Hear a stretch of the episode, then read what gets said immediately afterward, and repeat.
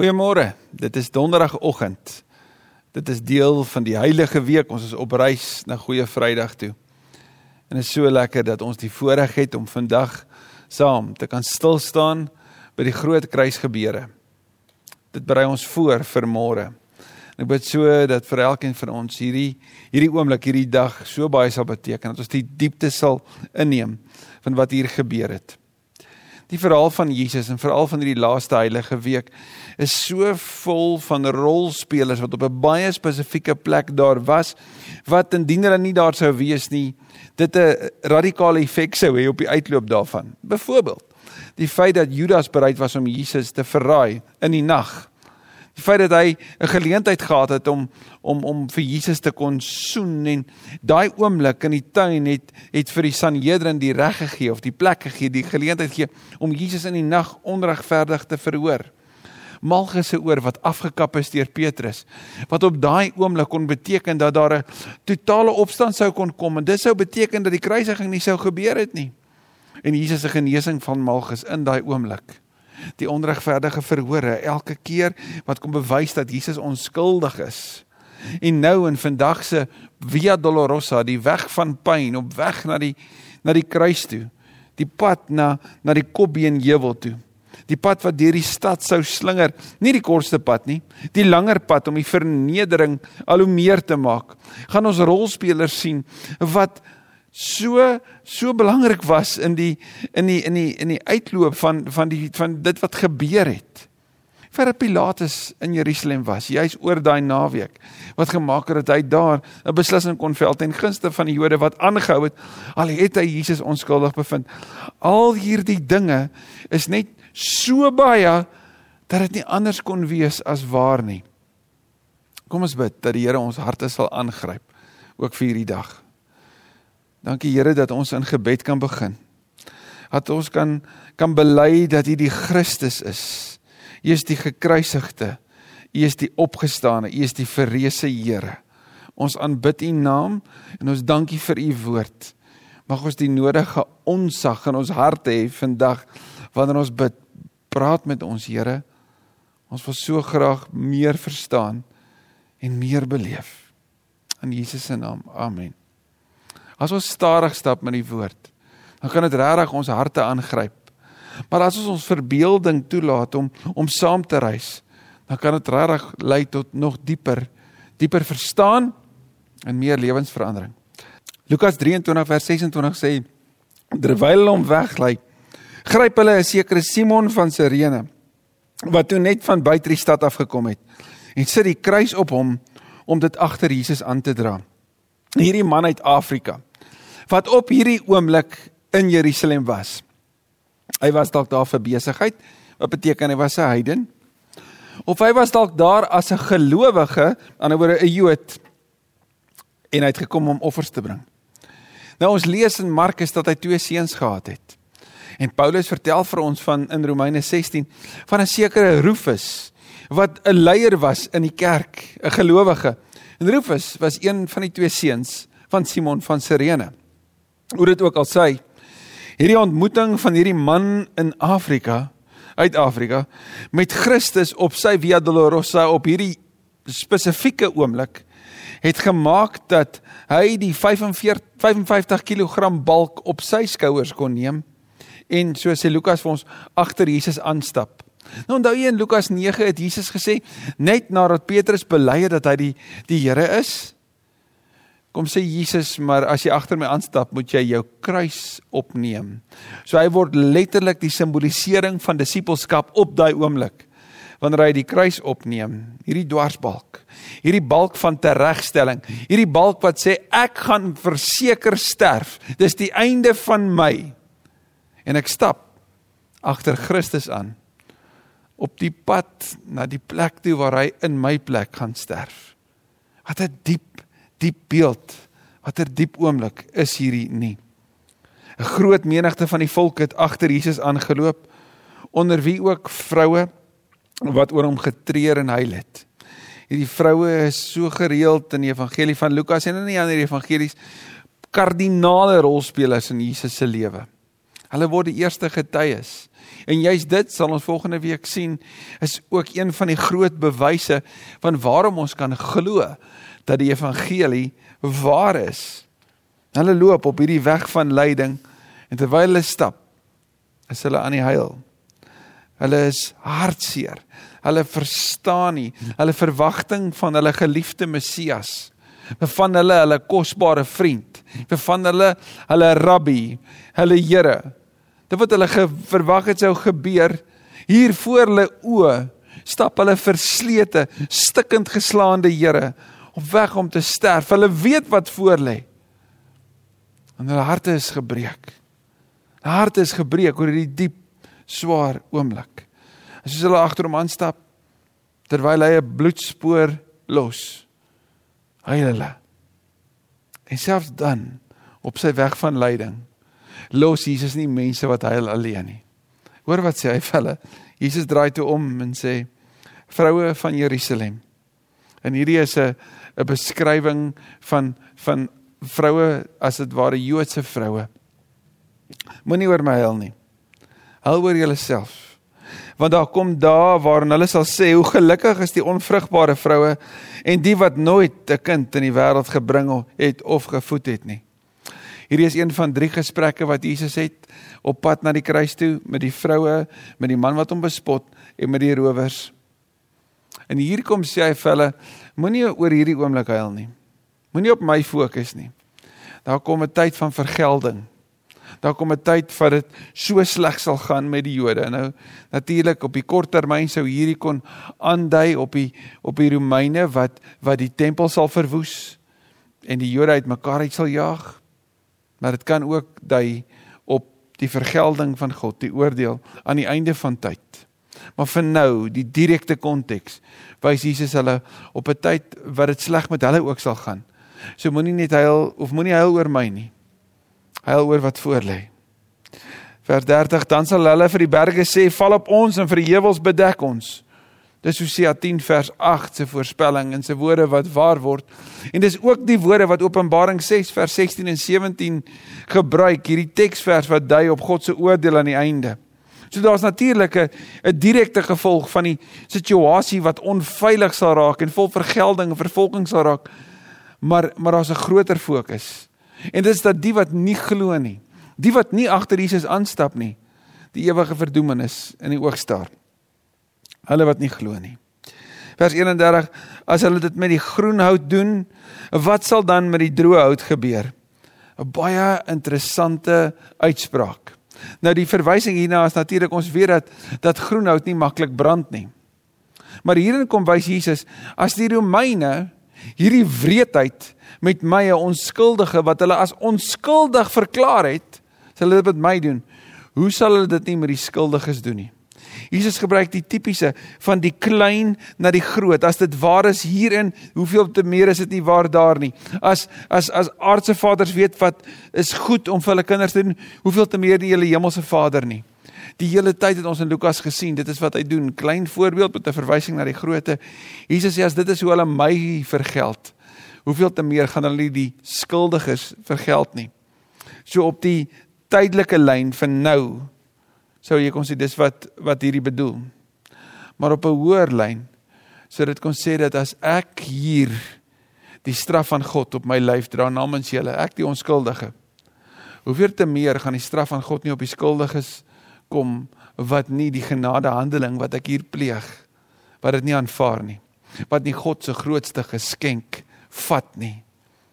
Hoeveel meer en hoeveel hoeveel erger sal God se straf op die bose wêreld nie wees nie.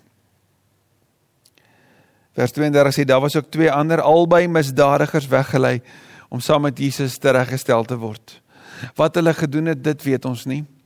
Maar wat baie moontlik is is dat die mense wat geaffekteer was deur hulle dade, dat daai mense sou saamstap, sou deel in die vreugde van hulle lyding En Jesus stap saam met misdadigers. Hoe teenoorgesteld is die evangelie nie teenoor die verwagting van hierdie wêreld nie. Hoe anti-Messia is Jesus nie. Die Here, die heilige God, die onskuldige in die middel tussen misdadigers. Toe hulle by die plek kom wat Kopbeen genoem word, dis Golgotha het hulle hom daar saam met die misdadigers gekruisig, die een aan sy regter en een aan die linkerkant. Van die kommentare reken hy was in die middel, so hy word gekruisig en tereggestel as die grootste van die drie met die fokus op hom. En weet julle die interessante van hierdie oomblik is dis wêreldwyd bekend. Hierdie is 'n beeld wat neergeskryf is ook deur buitebybelse bronne. En vandag weet ateëste, gelowiges, moslems wêreldwyd van hierdie oomblik kom hy in plek met sy drie kruise en die Messias in die middel. Toe sê Jesus: Vader, vergeef hulle want hulle weet nie wat hulle doen nie. Hulle het sy klere verdeel deur te loot. So hulle het Jesus kaal gekruisig. En terwyl hy kruisig gekruisig hang met sy sy liggaam wat besig is om te versmoor, tel hy homself op in een van sy sy eerste van sewe kruiswoorde Dis die woord van vergifnis. Môre by die Goeie Vrydag diens gaan ons stil staan by die sewe kruiswoorde as 'n padkaart van hoe ons lyding kan hanteer. Moet dit ook nie misloop nie. Maar hoor hier wat doen Jesus. Sy eerste woorde aan die kruis is om die boodskap wat hy nog altyd verkondig het ook daar te modelleer. Vergeef hulle want hulle weet nie wat hulle doen nie. Dit sal ook die woorde wees van Stefanus wat dit spreek dan Handelinge 7 wanneer die klippe op hom reën. Daar word gesê dis ook die woorde van Jakobus want hulle hom van die tempel afgooi en hom dan stenig dat hy in daai oomblik die wat hom teregstel vergewe.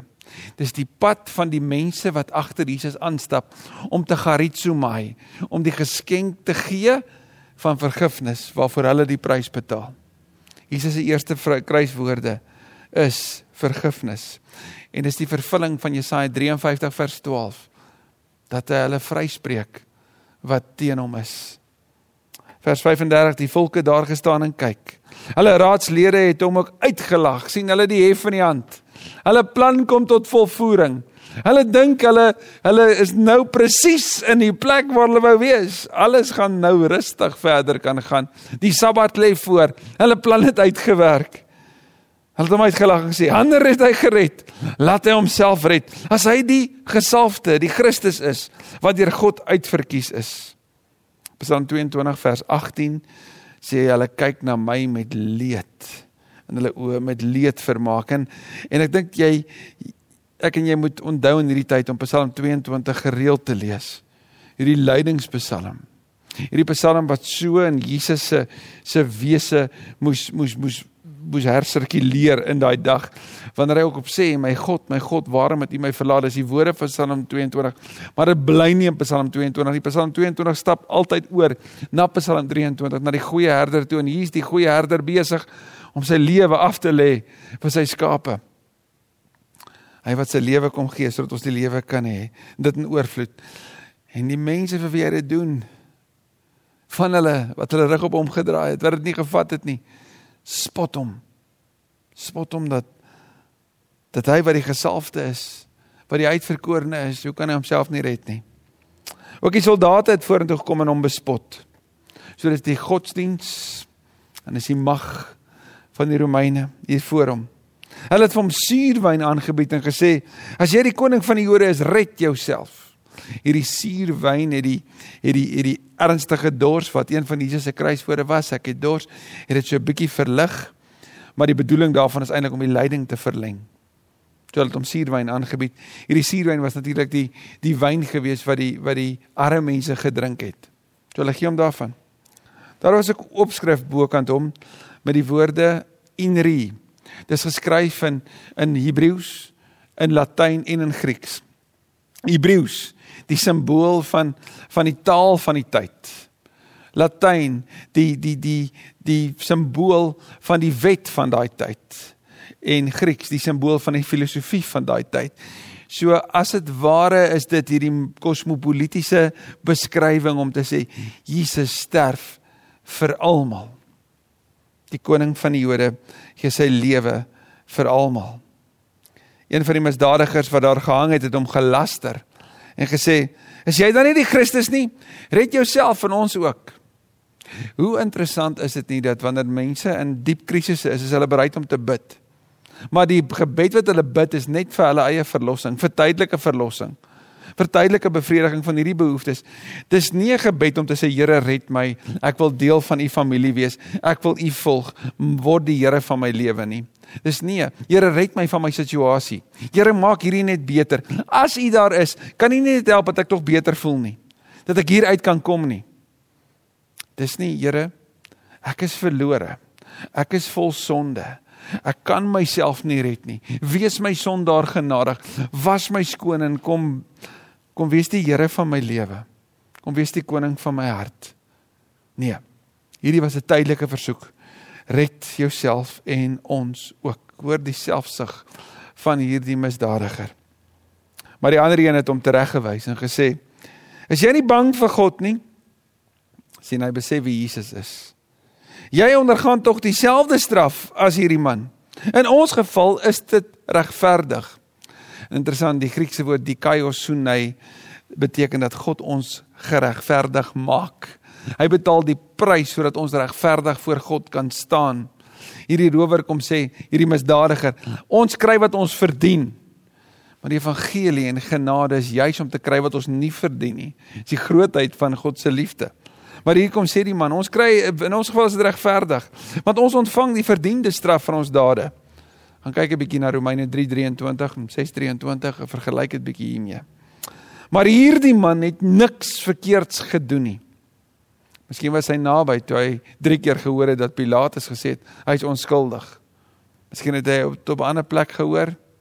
Maar wat hy weet in sy hart is Jesus is onskuldig. Wat 'n mooi belydenis. Selfs aan die kruis word Jesus as onskuldig verklaar. Vers 43. Verder sê hy: Jesus dink aan my wanneer u in die koninkryk kom. Hierin verklaar hy dat Jesus die Here is van 'n ander koninkryk. En sy woorde dink aan my is nie 'n belydenis van sy sonde nie. Al het hy nou-nou gesê ons verdien wat ons kry. Dis dis niks anders as net 'n u is wie u is. Moet my nie vergeet nie. Dis al.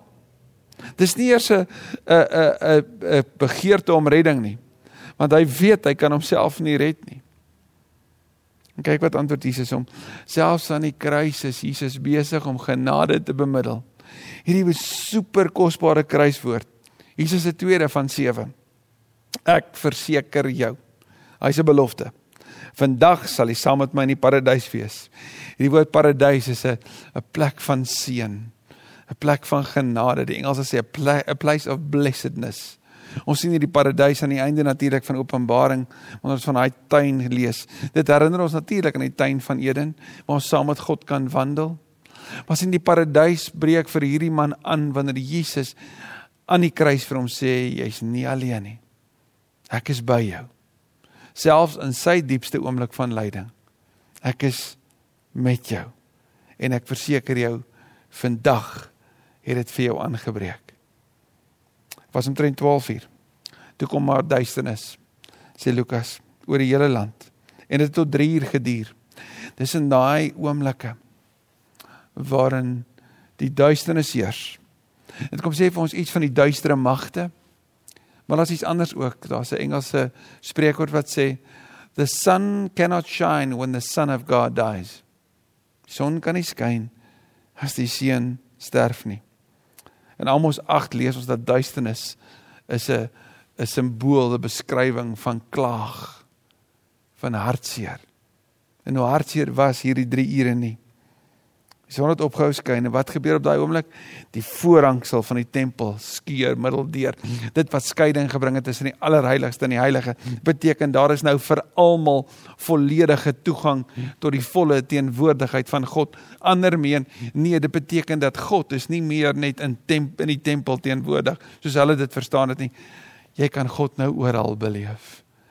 Selfs aan die kruis kan jy paradys beleef kan jy naby aan hom wees.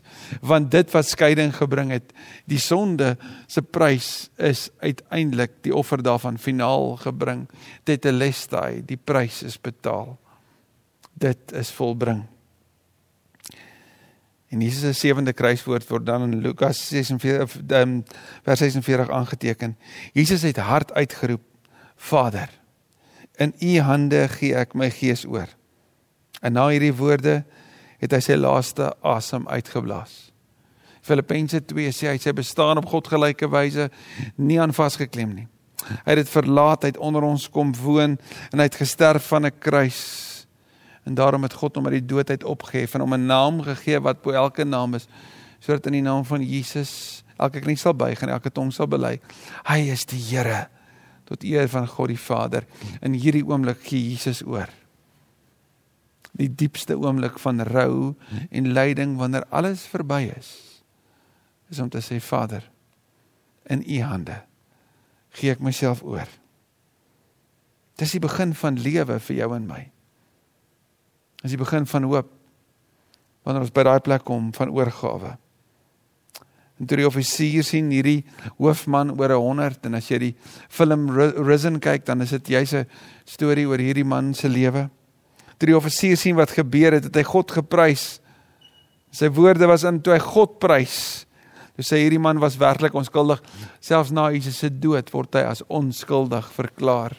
Maar hy het God geprys want dis die uiteinde daarvan hy's 'n gelowige geword.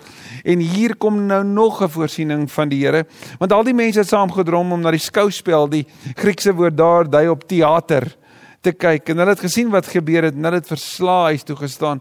En ons begin saam met van hulle volgende week stap in die week daarna.